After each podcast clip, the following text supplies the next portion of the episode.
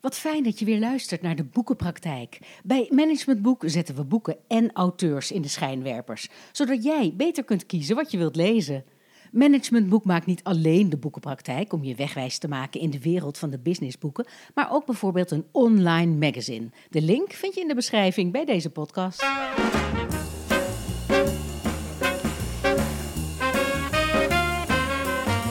Welkom bij de Boekenpraktijk, de podcast van Managementboek. In de Boekenpraktijk praten we met auteurs over hun nieuwste boeken. Boeken over organisatieontwikkeling, persoonlijke ontwikkeling en verandering. En altijd met een link naar de dagelijkse praktijk. Uw presentator is Willem van Leeuwen. Hoe komt het menselijk brein tot grootse prestaties? Of die nu wetenschappelijk, artistiek, sportief, politiek of op ander gebied zijn? Dat is de vraag die Ab Dijksterhuis probeert te beantwoorden in zijn nieuwe boek Inspiratie. Ab Dijksterhuis, hij is hoogleraar psychologie van het onbewuste aan de Radboud Universiteit in Nijmegen. Hij heeft veel gepubliceerd over het onbewuste, onder meer in het gezaghebbende Science. Zijn werk krijgt ook veel aandacht en werd meerdere malen besproken in de New York Times. Hij won verschillende wetenschappelijke prijzen en is vooral ook bekend, vind ik, door zijn meesterwerk Het Slimme Onbewuste uit 2007. Een boek wat een helder overzicht geeft van veel wetenschappelijk onderzoek over het onbewuste. En vandaag is hij al een tijdje mijn gast hier in de boekenpraktijk. Want we hadden wat technische aanloopproblemen, maar fijn dat je er bent blijven zitten, Ab. Ja, geen probleem, geen probleem. Ehm, wat, wat is jouw fascinatie met dat onbewuste eigenlijk? Um, ik, nou, in, de, in, het geval van inspiratie is het zo dat ik, dat ik altijd enorm gefascineerd ben geweest door wat er voorafgaat aan een heel goed idee. Sommige mensen hebben, hebben een Eureka-ervaring, een, een heel goed wetenschappelijk idee bijvoorbeeld. Een inval wordt het ook wel genoemd. En dat lijkt ineens te komen. Dat lijkt bijna iets magisch te zijn. En vroeger dachten ze ook dat dat van de muziek kwam. Hè? De, de, de, de, de dochters van Zeus. Ja. Die, die, die um, uh, in je oor fluisterde, vooral s'nachts. En um, inmiddels weten we dat dat uit het eigen onbewuste komt. Maar uh, ja, dat, dat, wat daaraan vooraf gaat, dat, dat heb ik altijd een buitengewoon fascinerende ja vraag gevonden. En meer in het algemeen, ik vind het onbewuste iets, uh, iets prachtigs. We hebben, we hebben een, um, we hebben, er zijn zoveel processen die zich afspelen in ons brein waar we ons niet bewust van zijn. Dat bewustzijn is maar een heel klein deeltje. Ja, want we, we, er is volgens mij iets bekend dat inmiddels dat 5% van alles wat we doen is, is, wat we, ja, is bewust. En 95% van ons gedrag wordt aangestuurd door het onbewuste. Zeg ik dat zo goed? Nou, je, je kunt dat niet zo precies aangeven. Dat, dat, uh, maar je zou, je zou zelfs kunnen zeggen vrijwel alles komt uiteindelijk eerst uit het onbewuste. En het bewustzijn is, is meer een soort klankbord dat later pas in het proces uh, dingen gaat doen. Hè, dat, dat, wij creëren voor onszelf eigenlijk de illusie dat wij allerlei bewuste beslissingen uh, nemen in ons leven. Uh, maar voordat die bewuste beslissing genomen wordt, gaat er al van alles aan vooraf. Ja. Het woord beslissing klopt ook eigenlijk niet. Het is, de, het is je zou kunnen zeggen, de bewuste illusie van een beslissing. Oké, okay, okay. maar, maar, die Eureka waar je het net over had, hè? volgens mij heb je het ook over roeping in, in, dit, ja, in het boek. Ja. Dat is dus eigenlijk iets wat ontstaat uit dat onbewuste. Ja, ik onderscheid eigenlijk drie vormen van inspiratie. En de overeenkomst is elke keer dat inspiratie moet je zien als. als je eigen onbewuste dat je op een dwingende en, en maar ook liefdevolle manier vertelt wat je eigenlijk moet doen. En de eerste is uh, de roeping, of met een duur woord de evocatie. Dat, dat uh, Mark Twain heeft ooit gezegd: de twee belangrijkste dagen in je leven zijn de dag dat je wordt geboren en de dag dat je weet waarom. En dat is, dat is eigenlijk de eerste vorm van inspiratie. Dat je beseft, hé, hey, dit, dit is wat ik moet doen. En dat, dat heb je niet één keer in je leven, dat kun je een aantal keer hebben. Want iemand van 25 heeft ook weer andere. Maar komt dat dan ineens in je op? Of ja, soms, soms zijn dat een paar momenten achter elkaar. Uh, soms is het echt één moment. Hè, dat, dat je. Uh, Robert Smith, die, uh, van The Cure, van The Cure ja. die David Bowie op televisie ziet op het moment dat hij zelf 14 jaar oud is en denkt van hé, hey, ik word rockster. Nou, zo, zo zo duidelijk is het helaas lang niet voor iedereen. Maar het, het kunnen ook een aantal momenten vrij kort achter elkaar zijn. Mm -hmm.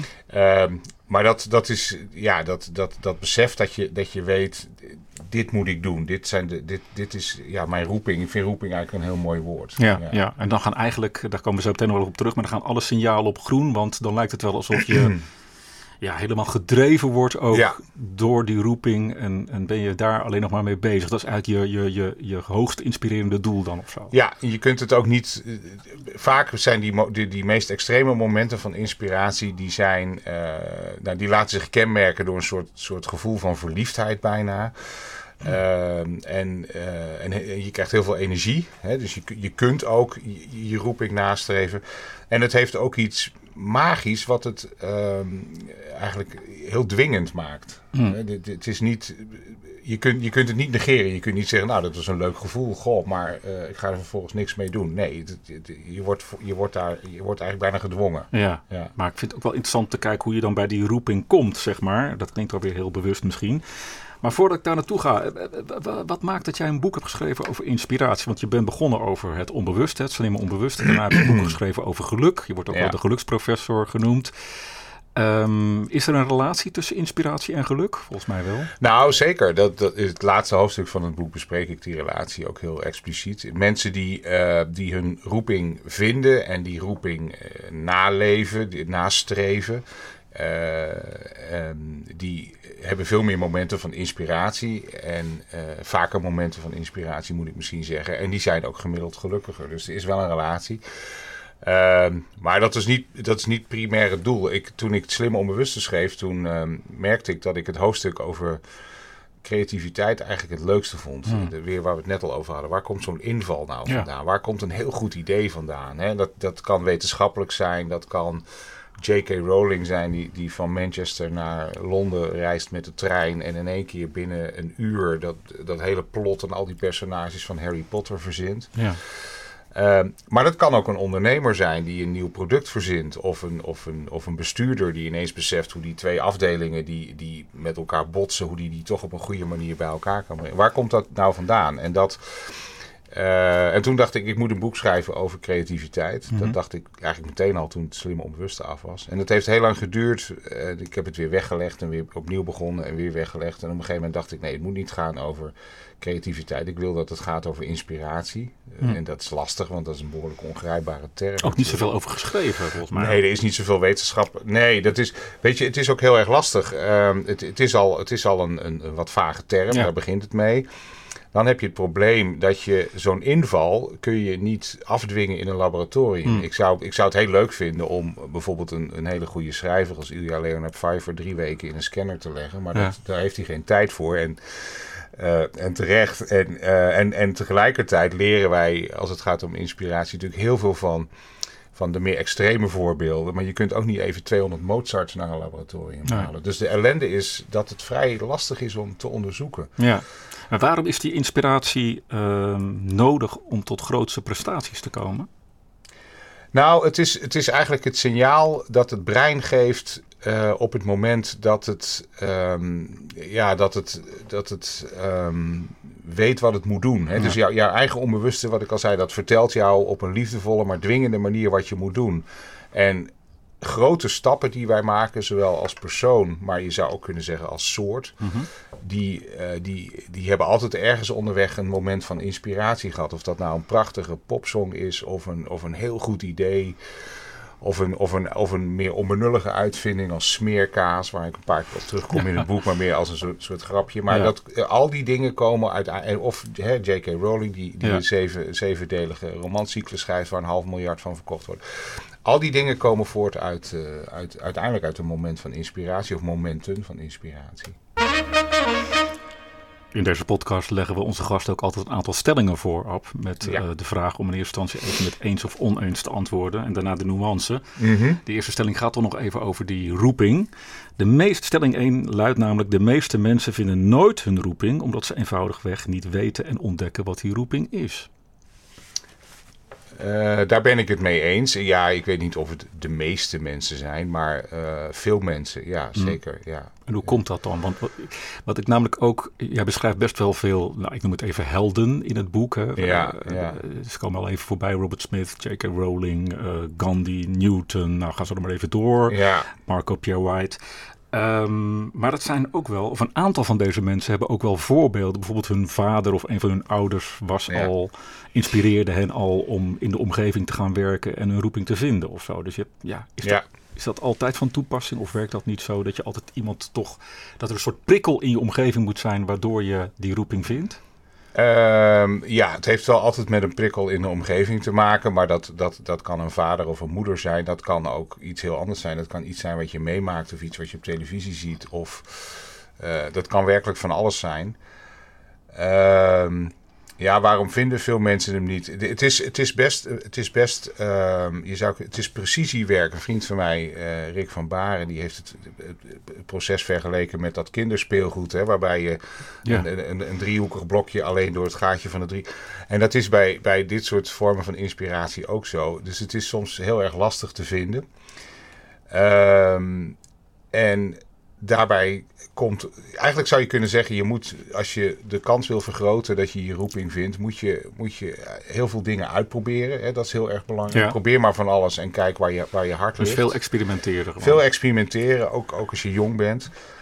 Uh, en jezelf goede vragen stellen. Waar, waar, uh, ja, wanneer bij welke, op wat voor momenten krijg ik soms toch dat, dat, dat een beetje dat verliefde gevoel van inspiratie. En ja, jij schrijft ook onze roeping, dat heb ik even uh, opgeschreven die zin. Onze roeping wordt deels bepaald door de diepere behoeften die ons aansturen vanuit ons onbewuste. Ja. Dus het gaat, dat klinkt voor mij dat je nog bewuster moet voelen wat die behoeften dan zijn. Ja, ja.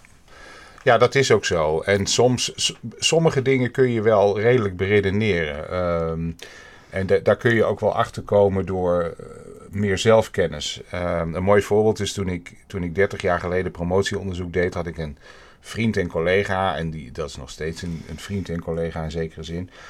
Ehm, en toen viel al op dat, dat ik meer alleen werkte en dat ik altijd wel een paar afstudeerstudenten had, maar hij had er veel meer. En zijn kamer was eigenlijk de hele dag een soort, soort zoete inval waar elke keer mensen op bezoek kwamen. Uh, en ik ben nu onderzoeker en vooral schrijver eigenlijk. Dus mhm. een groot deel van de dag ben ik alleen. Hij is nu, hij is nu uh, mijn baas. Hij is de baas van onze universiteit, voorzitter van het college van bestuur. En hij, hij zit, ik denk dat hij 70 uur in de week overleg ja. heeft met andere mensen. Ja.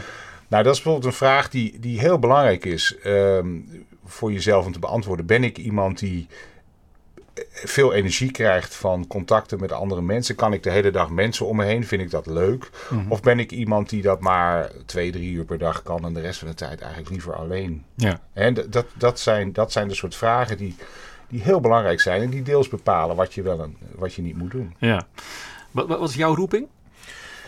Uh, nou, ik denk, ik, toen ik, toen ik studeerde, uh, of eigenlijk op de middelbare school al, toen twijfelde ik tussen uh, schrijver en schrijven en wetenschap. En, en nu doe ik het allebei. En ik geloof wel dat, dat, dat ik wel ongeveer gevonden heb wat ik moet doen. Ja, ik, denk, ik denk dat ik boeken schrijven het allerleukst vind. Ja? ja? Je kan er ook heel mooi over praten. Dus het geven van uh, lezingen. Ja, ik geef, ik geef ook ik geef veel lezingen. Dat is, dat is ook begonnen met slim onbewuste, maar later ook over geluk.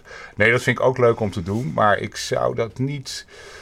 Als, als ik, ik, ik heb wel eens dat het heel druk is in oktober, november. Dat is een beetje hoogseizoen voor, voor het, in het sprekerscircuit. En dan heb ik er wel eens vier of vijf in de week. En dat is, dat, dat is veel. Ja. Dan ben ik eh, vrijdag echt heel moe. Mhm. Er zijn ook mensen die zouden dat fluitend doen. Ja. Uh, of die zouden zelfs meer energie hebben aan het eind van zo'n week. En dat dus bij mij eh, alles met mate. Ja, hè? Dat, ja. Dat, ja. Maar de toegank, het, het, toegankelijk maken van iets wetenschappelijks als, als brein en onbewuste en ook wel inspiratie, want dat blijft natuurlijk mm -hmm. toch een, een vaag begrip. Dat, uh, dat lukt je behoorlijk. We gaan eens even naar de tweede stelling. Ja. Iedereen kan een nieuwe Mozart of Cruyff worden als je maar echt hard genoeg werkt in de vorm van oefenen, oefenen, oefenen. Uh, nee, daar ben, dat daar ben ik het mee oneens. Maar het is. Uh, nee, ik denk, dat, ik denk dat heel veel uh, jongetjes en ook meisjes. als ze heel jong zijn in Nederland. best een nieuwe kruif willen worden. En dat, dat kun je nog zo hard. je kunt nog zoveel oefenen. Je zult niet die kruif worden. Maar het voorbeeld van Mozart is wel een mooie. Dat toont aan dat. Uh, hij was een exceptioneel talent, maar ja. um, zijn, zijn, wat mensen wel eens vergeten is dat zijn vader, um, eigenlijk nou, toen Mozart drie was, begon hij hem al te onder. Dat was een muziek, was, was zelf ook een, een, een muzikus, maar ook nog een docent. Ja.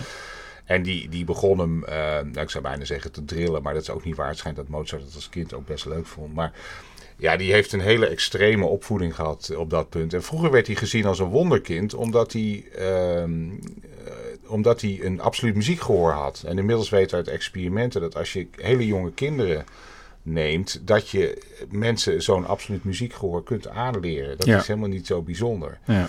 Dat maakt niet dat Mozart niet bijzonder is, want die heeft uiteindelijk natuurlijk wel heel bijzondere dingen laten zien. Maar eh, de, tale- de- ta- talent is niet onbelangrijk, maar de rol van talent moet zeker niet eh, overschat worden. En als je bijvoorbeeld, eh, er is ook wel mooi onderzoek gedaan in, op het conservatorium in Berlijn. Als je daar de beste en de, de, de, de, de minst goede studenten met elkaar vergelijkt, dan zie je, en je kunt, dan kun je van allerlei metingen doen, je kunt van alles bekijken. En uiteindelijk blijkt het enige verschil te zijn hoeveel uur per dag ze hebben geoefend. Ja, dat is een beetje wat Malcolm Gladwell ook schrijft. hè. 10.000 uur. Ja, die 10.000 is wat ongenuanceerd, maar Ja. dat, dat is wel een mooi rond getal natuurlijk. Ja. Maar daar komt het wel op neer. Je, de, de- de inspiratie is natuurlijk vaak ook de, is het resultaat van heel, van heel hard werken. Ja, dus inspiratie eh, is ook transpiratie. Zeker. Andersom werkt het niet. Zeg. Ja, je moet wel een soort van aangeboren talent hebben. Nou, je moet ja wel iets. Hè. Er, moet- er moet wel. Ik denk als je. Als je eh, maar ik denk ook als je geen enkel ehm, talent hebt voor iets, dan zul je, ik noem maar wat voor muziek, dan zul je ook niet geïnspireerd worden door andere muzici of door, door muziekstukken. Hè. Ja. Dus het, het feit dat je op sommige momenten die inspiratie voelt, betekent al dat je, dat je minimaal enig talent hebt. Ja, ja, ja. Je, geeft al even aan, inspiratie werkt ook besmettelijk. Hoe, hoe, werkt dat precies? Nou, dat is wel leuk. Er, er is wel wat onderzoek gedaan naar inspiratie. En dan blijkt bijvoorbeeld dat als je mensen een gedicht laat schrijven en je vraagt ook eh, in hoeverre voel je je nou geïnspireerd eh, tijdens het schrijven van dat gedicht. Dat mensen die later die gedichten lezen, die herkennen dat. Je, je herkent de inspiratie in een, in een werk. En dat, dat eh, ik kwam zelf ooit op dat idee door, eh, door te eten. Ik, ik heb zelf, maar misschien, ik, ik had wel, misschien klopt het helemaal niet, maar dan hou ik mezelf dat alleen maar voor. Maar ik heb wel eens het idee dat, dat je in een restaurant kun je gewoon proeven of daar, of daar liefde, Ja. of een gerecht met liefde en Ja. inspiratie gemaakt is. En dat, dat zegt niks over het niveau van het restaurant. Want dat kan een twee Michelin-sterren restaurant zijn of een hele simpele. In beide gevallen kan het met liefde of met veel minder liefde gemaakt zijn. Ik vind vooral in Frankrijk merk je dat heel sterk. Dat je, dat je ontzettend goed kunt eten. Maar als je in Frankrijk naar het verkeerde restaurant gaat, zeker in een meer toeristische plek, dan valt op dat daar zo ongelooflijk liefdeloos wordt gekookt. Maar En hoe toen- merk je dat dan eigenlijk? Ja, dat, dat is. Dat Het is is zo grappig dat je zegt, want je, je, je leest dus een gedicht en dan Ja. op basis van het lezen van het gedicht voel je, het is meer een gevoel denk ik hè? Ja, het is meer een gevoel. Het is heel lastig te omschrijven. Maar het blijkt als je dat mensen vraagt van... lees deze tien gedichten en schat in in hoeverre iemand geïnspireerd was...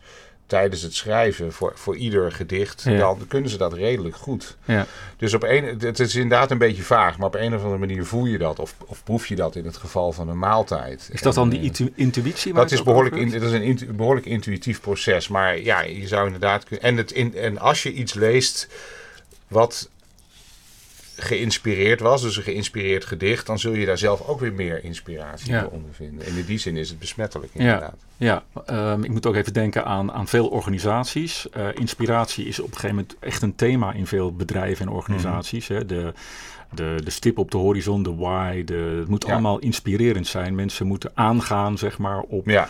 Eh, de bedoeling, wordt, ook nu, eh, wordt het ook vaak genoemd. Heb je daar een tip voor? Als ik nou directeur ben en ik denk van nou, ik zou mijn mensen wat meer willen, willen, willen verleiden om, om, om zich geïnspireerd te voelen op onze strategie. Hoe, wat- hoe kan ik dat dan doen? Hoe kan ik... Ehm,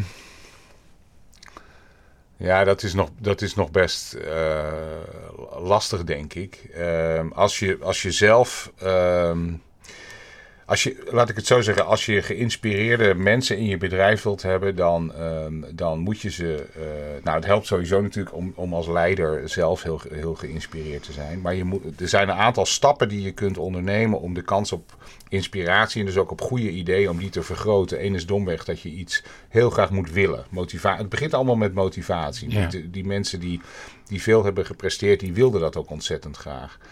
Het tweede is, is, is inderdaad, hè, niet de, het is niet precies 10.000 uur, maar gewoon heel hard werken. Je, je komt pas ver als je heel hard werkt. Eh, het derde is dat je, dat je open moet zijn, dat je, dat je ehm, je eigen brein moet stimuleren met nieuwe prikkels en bereid moet zijn om te leren, bereid moet zijn om onzekere situaties aan te gaan. En de vierde is, is wat we met in de psychologie incubatie noemen. Je moet ook dat, dat, die onbewuste processen aan de gang zetten en daar ook naar luisteren. Uh, dat, dat, heel, het valt, valt op bijvoorbeeld als je kijkt naar mensen die, die uh, die veel met inspiratie werken, die inspiratie nodig hebben voor hun vak. Denk maar aan schrijvers en, en, en ja. kunstenaars dat die altijd, dat die allemaal wandelen. Ja. Je hebt, ja. je hebt die, die, periode per dag nodig om ja, ik zal maar zeggen, je, je bewustzijn een beetje half te laten sudderen. En dat onbewuste, dat komt op dat moment met allerlei ideeën. En dat, dat, dat, dat kan ook in je werk zijn. Hè. Ik denk dat... Het gaat zelfs over patronen volgens mij. S ochtends werken en smiddags wandelen of zo. Ja, heel veel, eh, dat valt vooral op bij schrijvers en wetenschappers en, en kunstenaars. Die de, s morgens uh, heel veel werken en smiddags uh, wandelingen maken. Dat is bijna een standaard patroon, ja. uh, inderdaad. Ja. Ja. Wat ook belangrijk is, daar neem je ook ruim de tijd voor in je boek... In inspiratie. Het gaat over doelen. Ja. Maar je kunt eigenlijk verschillende doelen onderscheiden. Meer de intrinsieke doelen en de meer de extrinsieke doelen volgens mij. Ja. Kan je daar iets over zeggen? Dat werkt? Ja, dat is, dat is een oud onderscheid al in de psychologie. Intrinsieke en extrinsieke motivatie. Intrinsieke motivatie is dat je iets wilt omdat je zelf graag beter wilt worden in iets dat je jezelf wilt ontwikkelen. Of dat je um, ja, oprecht de wereld wilt helpen. Hè? Mm -hmm. En de, de, wereld een beetje mooier wil maken. Het, het idee van, van de, de, zingeving, dat je, dat je iets zinvols doet. Ja. Extrinsieke motivatie, dat is, um, dat is gericht op uh, geld en roem en status en dat soort, dat soort dingen. En um, als, mensen die veel bereiken, die zijn um, eigenlijk altijd intrinsiek gemotiveerd. Daar mag best een beetje extrinsieke motivatie bij komen. Mhm. Mm -hmm. uh, maar het gevaar van extrinsieke motivatie is dat het op een gegeven moment de, de intrinsieke motivatie als het als een koekoeksjong uit het nest duwt. Ja. Een heel mooi voorbeeld is inderdaad, je hebt de naam net al even genoemd, Marco Pierre White, een beroemde Engelse chef, die, die, die, um, die op de middelbare school ging het helemaal niet goed mee. Toen was hij 16, toen zei zijn vader van waarom ga je niet koken in een restaurant? Dat deed die vader zelf ook. En zijn oudere broer deed dat ook. Want ja, mensen zullen altijd moeten eten. En... Maar toen zag hij het echt als een vak of gewoon als een beroep, meer niet. En toen kwam hij voor het eerst in een professionele keuken. En hij zei, it was like stepping in a jewelry box. Hij vond dat helemaal geweldig. Ja. En toen wilde hij een steeds betere chef worden. En, um, en hij was op een gegeven moment, uh, had hij zijn eerste Michelinster. En als jongste chef ooit zijn tweede. En uh, hij, vond het, hij vond het echt, hij, hij vond het koken ook geweldig. En toen was hij, de, ik geloof, de jongste drie-sterren-chef in de wereld. En toen ineens ontdekte hij dat, die dat die intrinsieke motivatie over de jaren steeds minder was geworden. De extrinsieke steeds meer. Hij wilde die drie sterren. Hm. En toen was de lol er in één keer af. Ja. En toen heeft hij zijn sterren vrijwillig weer ingeleverd. Dat was ook voor het eerst dat iemand dat deed.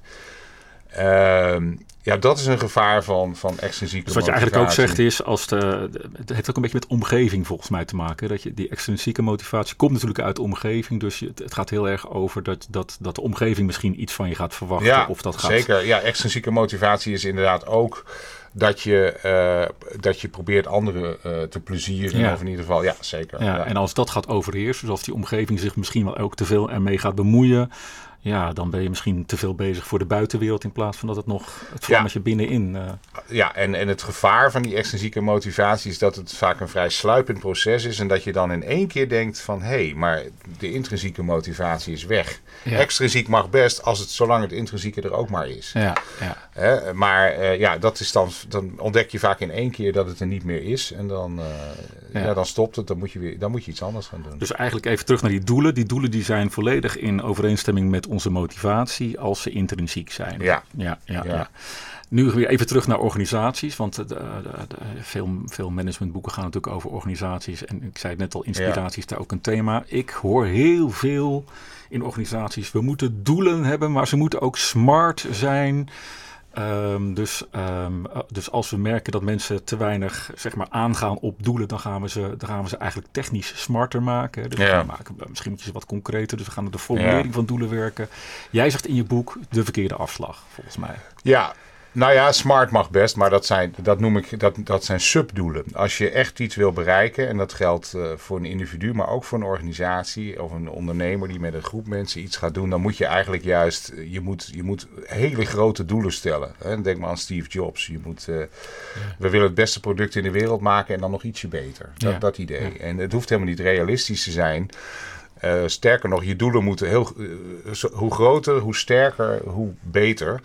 En, uh, en daar moet je mensen in meekrijgen. Dat, dat moet je motief zijn. Dat moet je willen bereiken. En als je dat heel graag wilt en je dompelt je helemaal onder, dan vergroot je ook de kans dat dat gebeurt. Ja. En die smart doelen, ja, dat is allemaal leuk en aardig, maar dat zijn, dat zijn subdoelen. Dat zijn, de, dat zijn de, de, de kleine doeltjes die we zaterdag bij de F'jes neerzetten. nee, het gaat om die grote rugbydoelen met die palen die tot in de hemel. Mooi. Uh, smart is, is, dat zijn subdoelen, dat zijn kleine dingetjes. Maar, maar de, de echte motivatie moet komen uit veel grotere doelen. En dan bereik je echt. Ja, dat brengt mij op de derde stelling. Ons onbewuste wint het altijd van het bewuste deel in ons brein. Dus zal het vermijden van pijn en angst ons afleiden van onze bewuste doelen. Uh, nou, ik zal niet zeggen dat het altijd wint, maar het is een. Het is een uh, als wij onszelf doelen stellen die, uh, die waar, laten we maar zeggen, waar die onbewuste processen het niet zo mee eens zijn, dan is dat een hard gelach. Iemand die ja, je kan je voornemen om te gaan sporten. Ehm, maar dat is, als je dat, als je dat van nature eigenlijk niet wil, als je dat nooit doet, dan, dan is dat heel erg lastig om dat lang vol te houden. Maar zelfs hè, als ik, uh, misschien wel een mooi voorbeeld, als ik denk, als ik enorm gemotiveerd ben omdat ik denk ik wil 10 kilo kwijt. Ja. Dus ik ga sporten. Dus ik kom nu van die bank af. Dan zegt ons onbewuste vaak nog, doe maar niet. Ja. Want uh, de korte termijn is uh, lekker blijven zitten, je energie een beetje verdelen over de dag en niet te veel inspannen, toch? Ja. Dus hoe werkt dat dan om dan toch dat onbewuste daarop aan te krijgen, zeg maar? Nou, dan helpt het wel. Uh, in dat soort gevallen helpt het wel om, om met kleinere doelen te werken. Hè? Dan, dan mag het best smart zijn. Dus dan, dan moet je eigenlijk hele kleine stapjes zetten om steeds iets dichterbij te komen. En dat, dat onbewuste eigenlijk stap voor stap mee te krijgen met je, uh, maar zelfs dat hoor, dat, dat blijkt in de praktijk vaak wel, wel erg lastig te zijn. Hmm. Uh, maar ik vind, als we het hebben over, over doelen uh, die, die meer te maken hebben met inspiratie, hè, dus, dus dingen bereiken, dingen, dingen ehm, dan, ehm, dan, dan denk ik dat je, dat, dat je onbewust. Je moet, je moet dan doelen zo sterk stellen dat, dat je eigenlijk je hele brein, dat al, al die capaciteit meedoet. Maar dat, dat onbewuste deel, dat wil vaak wel. Ja, ja, ja, ja. ja. Um, even kijken hoor. Is er nog een verband tussen uh, inspiratie en geluk? Want um, ik zei het al, je wordt ook een beetje de geluksprofessor genoemd. Ja. Zijn mensen die hoge doelen hebben en die zich daardoor laten inspireren, zijn die gelukkiger? Kun je dat zo stellen? Ja, die zijn, die zijn gemiddeld wel gelukkiger. Eén ehm, is wel, is wel mooi onderzoek. Dat, dat laat zien dat. Uh, dat is gedaan in Australië door een vrouw die werkt in de, in de palliatieve zorg. En die heeft gekeken bij mensen die bijna overlijden. Ja, best een beetje, beetje luguber bijna, maar wel heel mooi onderzoek van wat, zijn er dingen waar je spijt van hebt. En, en zij heeft een soort spijt top 5 gemaakt. En de eerste twee zijn. De, nummer 1 is, uh, ik heb het gevoel dat ik mijn hart niet gevolgd heb. En nummer twee is het gevoel, uh, ik heb te hard gewerkt. Ja. Als je nou kijkt naar mensen die hun roeping volgen, uh, want dat is ook gebeurd in, in later onderzoek. Die zeggen nooit, ik heb mijn hart niet gevolgd. Die herkennen dat zelfs niet eens. Die zeggen, nee, ik heb juist mijn hart wel gevolgd. Mm. Hè? Ik, heb, ik heb precies gedaan wat ik moest doen. En die zeggen ook nooit, ik heb te hard gewerkt. Ze werken keihard, maar het ja. is nooit te hard. Nee. Uh, dus ja, als jij, uh, dat geeft het antwoord eigenlijk meteen weer. Als jij je, je roeping volgt en daar vol voor gaat, uh, dan ben je gelukkiger. Hmm. En, en misschien dat, je, dat iemand in je omgeving wel zegt dat je te hard hebt gewerkt natuurlijk. Dat kan. Dat je partner zegt, Ja. dan mag het iets minder. Maar zelf komt het voort uit een, uit een soort drive die, uh, die heel goed werkt. Dus als je nou kijkt naar, want er zijn best wel veel burn-out gevallen in, uh, in, in onze uh, maatschappij. En mensen Ja. die depressief zijn. Kun je dan ook stellen dat die mensen misschien ook bijvoorbeeld in hun werkzame leven niet die roeping hebben gevonden en daardoor ja, een beetje aan het afhaken zijn? Kun je zo? Nou, dat is een van de. de burn-out is, is, is een complex fenomeen. En er zijn een aantal ehm, factoren die daar een bijdrage aan leveren. Eén is eh, het, een te hoge werkdruk, te weinig steun van je omgeving.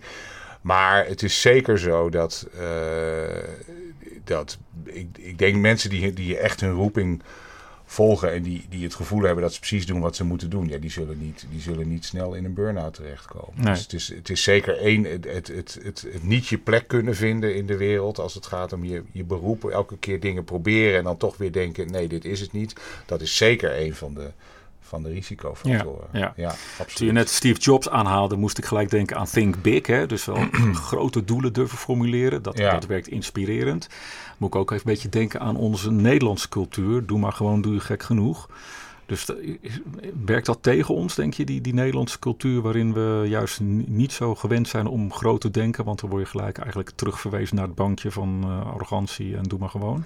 Uh, ja, ik denk wel dat dat, dat, dat, ja, dat dat in zekere zin tegen ons werkt. Uh, hoewel ik ook wel zie dat het minder wordt. Ik heb het idee dat doe maar, doe maar gewoon, eh, doe je al gek genoeg. Dat was eigenlijk meer van, van generaties voor ons. Ja. Ik denk dat dat, dat een beetje boven het maaiveld uitsteken, dat, daar zijn we tegenwoordig toleranter in. Maar het is natuurlijk, ja, we zijn ook geen Amerika, maar goed, dat heeft ook allerlei voordelen. Ehm, maar dat, dat natuurlijk, je zou kunnen zeggen dat een, dat een te grote bescheidenheid werkt tegen je als je echt heel veel wil bereiken. Je moet, je moet durven geloven in. Uh, je, moet, je zou kunnen denken aan die Think eh, Different reclame van, van, van Apple. Hè. In de jaren tachtig was het, denk ik. Dat, dat, ja, van, van uh, dat zou ik zeggen, sommige mensen zien, zien uh, gekte en afwijkingen en rare, en uh, we see genius. Ja. Je moet, om echt, om echt de wereld te veranderen, om echt heel ver te komen, moet je uh, moet je durven. Je moet, je, moet, je moet absoluut lef hebben. Ja, en, en ook niet bang zijn om af en toe kritiek te hebben van... ja, maar hij, wat verbeeldt die man zich wel of wat, wat verbeeldt die vrouw zich wel? Ja. zeker. Is dat dan ook de roeping die je hebt met dit boek? Ik bedoel, wat, wat maakt dat je dit boek schrijft... en dat je vindt dat, dit, dat, dat, dat we dit moeten lezen? Um, nou, weet ik niet. Ik, ik, ik, uh, dat vind ik altijd dat vind ik lastig. Dat vragen mensen natuurlijk vaker bij een boek. Maar ik begin, ik begin een boek met het, uh, met het idee dat ik uh, gewoon een fenomeen beter wil begrijpen en andere mensen wil uitleggen hoe het zit. Ik heb wel een klein beetje iets domineesachtigs in me, denk ik, van zo zit het. En dan, en dan is zo'n boek bijna af en dan, en dan denk je, ja, er zit toch ook wel weer een... Uh, zelfhulp-element in. Het, ik weet dat in, in een van mijn eerste interviews zei de interviewer van... heb je niet het ultieme zelfboek geschreven, zelfhulpboek geschreven? En bij, bij het woord ultiem dacht dat vond ik wel een mooi compliment. Maar bij het zelfhulp, als wetenschapper schrik je dan even. van, mhm. oh, heb ik... Maar natuurlijk is dat het wel. Ik, uh, ik hoop wel mensen uh, dingen aan te reiken. Ja, ja, ik wil mensen wel iets, iets aanreiken waar ze iets mee kunnen, inderdaad. En... Uh, en ik hoop, ik hoop vooral duidelijk te maken in het boek dat, dat inspiratie niet iets is zoals we vroeger dachten dat het hè, dat, dat, dat sommige uh, bepaalde geniale figuren die, die, die, uh, die, die kregen dat en de rest van de wereld niet. En als je er maar op wacht, dan voor sommigen dan, dan komt het. En als je nee, inspiratie is, is dat kun je afdwingen, maar dan moet je go goede ideeën waarmee je ook je bedrijf of wat dan ook voorwaarts helpt, die kun je afdwingen. Maar dan moet je wel de juiste stappen zetten en heel hard werken. Ja, ja. Um, er komen veel, ja, ik noem het toch maar even helden langs in jouw boek. Ja. Wat is jouw grootste inspirator? Zit hij ertussen? Um, nou, dat vind ik, vind ik wel heel erg moeilijk hoor. Want uh, dit zijn er, er zijn er inderdaad veel. Um, als ik er eentje zou moeten kiezen, denk ik toch Einstein. Want? Ja, dat, dat, eh, dat, vond het een. Uh, het was een briljante wetenschapper, uiteraard. Het is, het, is een man met veel humor. Uh, en het is, ik, ik denk wel, eh, als je, als je bijvoorbeeld een film kijkt als Back to the Future, dan zie je dat het, het, het, het prototypische beeld van een wetenschapper, zoals dat ook wordt, wordt eh, in, strip, in stripverhalen en in, in films en wat dan, dat is gebaseerd op Einstein. En dat was natuurlijk voor mij als jongetje, ik zei altijd, nou een jongetje, maar toen ik een jaar of 16, 17 was, wist ik wel van of ik wilde wetenschap in of ik wil schrijver worden. Ja. En eh, dat, dat idee van een wetenschapper, dat vond ik buitengewoon interessant. Op een gegeven moment dacht ik, die mensen die, die worden betaald dat is gewoon een beroep om na te denken. Ja. En, en misschien proefjes te doen en zo. Ja. En dan lekker een beetje in een eentje in een laboratorium. Nou, in de praktijk is het allemaal wat minder romantisch. Maar dat, dat, dat vond ik buitengewoon aantrekkelijk. En dat beeld was, was natuurlijk gebaseerd op Einstein. Ja, ja. Dus, nou, je, maar er zijn er een hoop hoor. Die kan ook Gandhi noemen. Of, of, maar ik vind het, wat, wat jou echt goed lukt met al jouw boeken... is om die wetenschap wat dichter bij mensen te brengen, zeg maar. Dus die zendingsdrang vanuit het dominee zijn, daar ben je wel in geslaagd. wat, wat wordt het volgende thema waar, waar wij uh, um, voor naar de kerk van Ab Dijksterhuis moeten? Weet ik niet. Ik heb net weer een. Uh, ik, heb, ik heb ook inmiddels een roman geschreven en inmiddels is Oh. de tweede af. Dus, Een roman? Dus, Ja? ja, ja, dat- twee jaar geleden. Bart, de- dat een korte roman. Dat, dat viel niet eens zo, zo heel erg op. Maar dat, eh, inmiddels heb ik een tweede eh, roman geschreven. Moet even kijken wanneer die uitkomt. Ehm, dus ik doe van alles door elkaar. Ik heb ook een, nou, misschien weet je, ik heb ook een kinderboek geschreven een paar jaar geleden. Ja. En nu ben ik, eh, nu- weet ik nog niet. Ik, ik denk na over, over toch weer een boek over geluk. Ehm, Want wat missen we daar nog in? Even tot slot, hè? want er wordt ontzettend veel geschreven, gepubliceerd over geluk. Maar ja, waar, waar moet dat boek dan over gaan waardoor het nog iets toevoegt? ja vind, dat vind ik ook lastig. Ik zou, eh, en daar weet ik het nog niet helemaal zeker, maar ik zit wel te denken aan, aan, een, aan een boek. eh, want ik wil niet twee keer hetzelfde boek schrijven. Een boek dat, ehm, dat praktischer is. Dat, dat eigenlijk ook met, met allerlei oefeningen. Maar tegelijkertijd zijn, er, zijn dat soort boeken er al. En dan moet ik zorgen dat mijn boek weer anders is. Dat het beter is op een of andere manier. En dat, Ja. dat staat me nog niet helemaal eh, helder voor de geest. Ehm, je hebt al wel een boekje geschreven over geld maakt gelukkig. ja, ik heb Op naar Geluk geschreven in 2015 en Maakt Geld Gelukkig in Ja. 2018. En ehm, nee, ik zou, ik wil, ik- daar moet het dan, en, en, maar Op naar Geluk, dat is wel een vrij groot overzichtswerk over, over geluk en alles wat we weten in de wetenschap. Maar dat is, dat is nog betrekkelijk theoretisch. Ik zou het wel leuk vinden om ook gewoon eens een keer wat meer iets praktisch te doen. Maar als het een heel plat zelfhulpboekje met oefeningen wordt, ja, dat moet ik niet doen. Dat past niet bij mij en bovendien, die zijn er al. Maar Dus- is, dus- is ehm, inspiratie is een voorwaarde voor geluk. Dus is geluk maakbaar? Geluk is, eh, geluk is ten dele maakbaar. Je hebt zelfs een, eh, je hebt zelfs een soort, soort geluksformule. En dat, nou, dat is misschien. En maar die, die, die, die zegt eigenlijk ongeveer 40% van de verschillen in geluk tussen mensen kun je genetisch verklaren. 10 tot 20 procent kun je verklaren met, met leefomstandigheden. En dan hebben we het wel over een stabiele westerse democratie als Nederland. Hè. Je kunt dat niet toepassen op, op bijvoorbeeld Oekraïne op dit moment. Nee. En zo'n 40 tot 50 procent heeft te maken met keuzes die we zelf maken. Dus geluk is deels maakbaar. Ja. Ja. En, en echt wel meer dan we vroeger dachten. De- en we weten, dat is wel mooi, de- door de wetenschap weten we ook steeds wel beter hoe we dat moeten doen. Hm. Ik heb de neiging om nog een half uur door te praten over geluk. Maar we, hebben ook een beetje met elkaar afgesproken dat we de podcast, eh, de boekenpraktijk, wat, eh, wat kort en overzichtelijk houden. Ehm dankjewel. Graag gedaan. Ik vond het zeer inspirerend. Als het gaat over inspiratie, vond ik dit gesprek zeer inspirerend. Ik verwijs jou als luisteraar van deze podcast heel graag naar de volgende aflevering. Die is over twee weken natuurlijk weer op alle podcastkanalen te vinden. Er rest mij je hartelijk te danken voor het beluisteren van deze podcast. Heb je vragen, opmerkingen of suggesties? Mail ons info at managementboek.nl Tot zover de praktijk van boeken. Kijk voor meer afleveringen of een abonnement op de boekenpraktijk op managementboek.nl/slash podcast. Je vindt ons ook op Spotify, Apple Podcast, Google Podcast en Soundcloud. Hartelijk dank voor het luisteren en graag tot de volgende podcast.